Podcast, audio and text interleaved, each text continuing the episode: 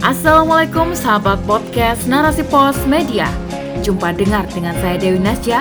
Kali ini dalam rubrik opini yang berjudul Mendamba Kesejahteraan Buruh, Butuh Partai Buruh atau Sistem Tangguh oleh Renita. Dikisahkannya, UU Ciptaker berbuntut panjang. Tidak hanya melahirkan perlawanan berbagai pihak, situasi ini juga memantik para pekerja untuk kembali membangkitkan partai buruh yang telah lama mati suri. Aspirasi politik para pekerja yang selama ini dilakukan diklaim sebagai penyebab makin merananya nasib buruh. Tak pelak, bangkitnya partai buruh menjadi tumpuan asa bagi para pekerja demi memperbaiki kehidupan tak manusiawi di bawah bayang-bayang korporasi hari ini. Dilansir dari kompas.com, sejumlah organisasi buruh telah menghidupkan kembali Partai Buruh melalui kongres di Jakarta pada Senin 5 Oktober. Jabatan Ketua Umum Partai Buruh pada periode 2021 hingga 2026 dipegang oleh Said Iqbal selaku Presiden Konfederasi Serikat Buruh Indonesia atau KSPI. Iqbal mengungkapkan adanya UU Omnibus Law merupakan pukulan telak bagi para pekerja, sehingga men-trigger reinkarnasi partai buruh. Dengan adanya partai buruh, diharapkan perjuangan para pekerja tidak lagi melalui aksi jalanan, tetapi dilakukan dengan jalur parlemen. Di tengah kekecewaan pekerja terhadap berbagai regulasi yang membuat nasib mereka kian terpuruk, kebangkitan Partai Buruh seolah menemukan momentumnya. Apalagi menjelang kontestasi pemilu 2024, tentu saja Partai Buruh berharap dapat menggait dukungan dari para pekerja demi memuluskan langkahnya menuju parlemen. Namun, akankah nasib pekerja semakin baik dengan adanya Partai Buruh ini? Bagaimanakah perlakuan Islam terhadap para pekerja? Reinkarnasi Partai Buruh awalnya bermula dari kekecewaan para pekerja atas digulirkannya UU Cipta Kerja yang merupakan kekalahan telak bagi kaum buruh dalam hubungan industri. Selama ini, pekerja memang tak memiliki jalur resmi dalam mengakomodasi aspirasinya. Mereka hanya menjadi aktor politik jalanan. Jika menilik sejarah, sebenarnya Partai Buruh bukanlah satu-satunya partai yang menggandeng para buruh di dalamnya. Pasca ambruknya Orde Baru, banyak serikat buruh yang mendirikan parpol untuk menyongsong pemilu 1999. Sebut saja Partai Pekerja Indonesia atau PPI, Partai Buruh Nasional atau PBN, Partai Solidaritas Pekerja atau PSP, Partai Rakyat Demokratik atau PRD, dan Partai Solidaritas Pekerja Seluruh Indonesia atau PSPSI. Mereka semua mengakomodasi aspirasi buruh dalam panggung politik sepanjang pemerintahan Orde Baru.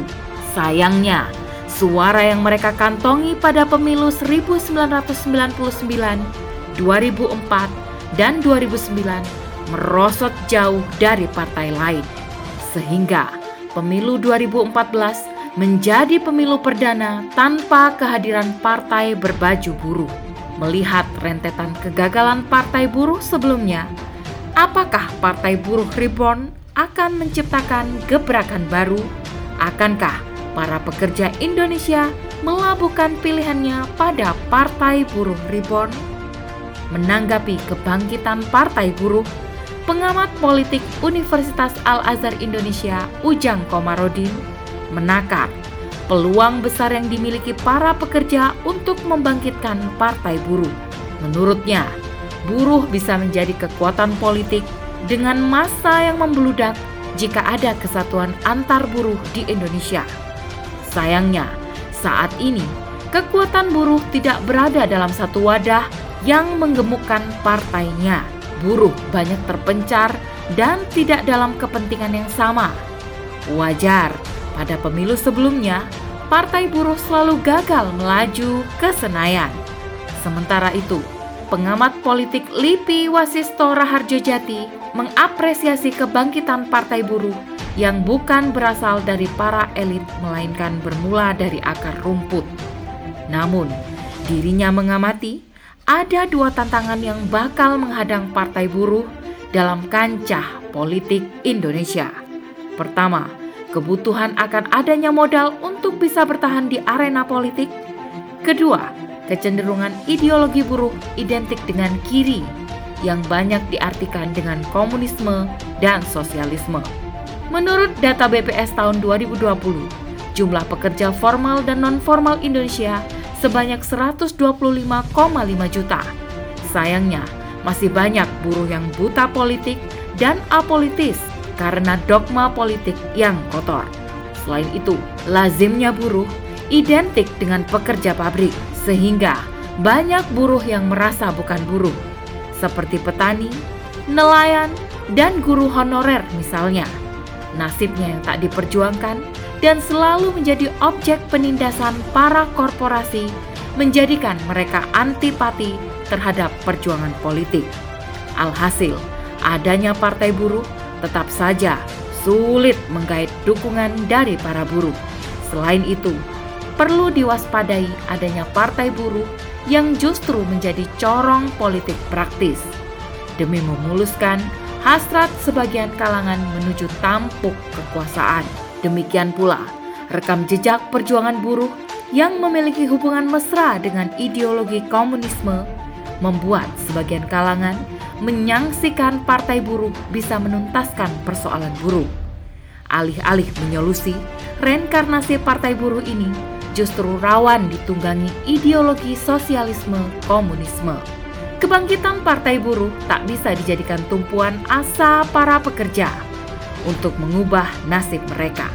Sebab pada faktanya negeri ini masih berada dalam genggaman sistem demokrasi kapitalis yang tak akan mungkin memberikan kesejahteraan pada buruh. Penguasa saat ini adalah penguasa oligarki yang berlepas tangan terhadap permasalahan buruh dan menyerahkan permasalahan buruh pada mekanisme pasar bebas. Berbagai regulasi yang digulirkan hanya untuk memuluskan kepentingan para investor. Wajar, para kapitalis begitu dikdaya dalam menentukan nasib para buruh yang menjadi bawahan mereka. Lihatlah bagaimana penguasa menentukan upah minimum yang ditekan serendah-rendahnya demi keuntungan fantastis para pengusaha. Sementara itu, Demi meredam amukan para buruh atas kezaliman upah, mereka dinina bobokan dengan jaminan sosial, kebebasan berserikat, hak mogok yang sama sekali tak menyolusi. Sejatinya, masalah perburuhan ini akan terus menumpuk selama sistem kapitalis menjadi landasan relasi antara buruh dan majikan. Sejumlah kebijakan tambal sulam untuk menyumbat kemarahan para buruh nyatanya hanya untuk melanggengkan hegemoni para kapitalis. Maka dari itu, reinkarnasi partai buruh tak akan pernah bisa menjembatani peliknya permasalahan buruh selama ini. Karena pangkal masalahnya adalah sistem kapitalis yang tak menganggap buruh sebagai manusia yang harus diupah dengan layak. Jika sistem kapitalis terbukti tak mampu menggaji buruh dengan layak, Hal ini berbeda dengan Islam yang memberikan jaminan kelayakan upah bagi pekerja sesuai dengan kualifikasinya. Islam memosisikan pekerja dan majikan setara. Keduanya memiliki hak dan kewajiban sesuai dengan posisinya. Seorang majikan harus memberikan upah yang layak kepada pegawai sesuai dengan keahlian dan keterampilannya.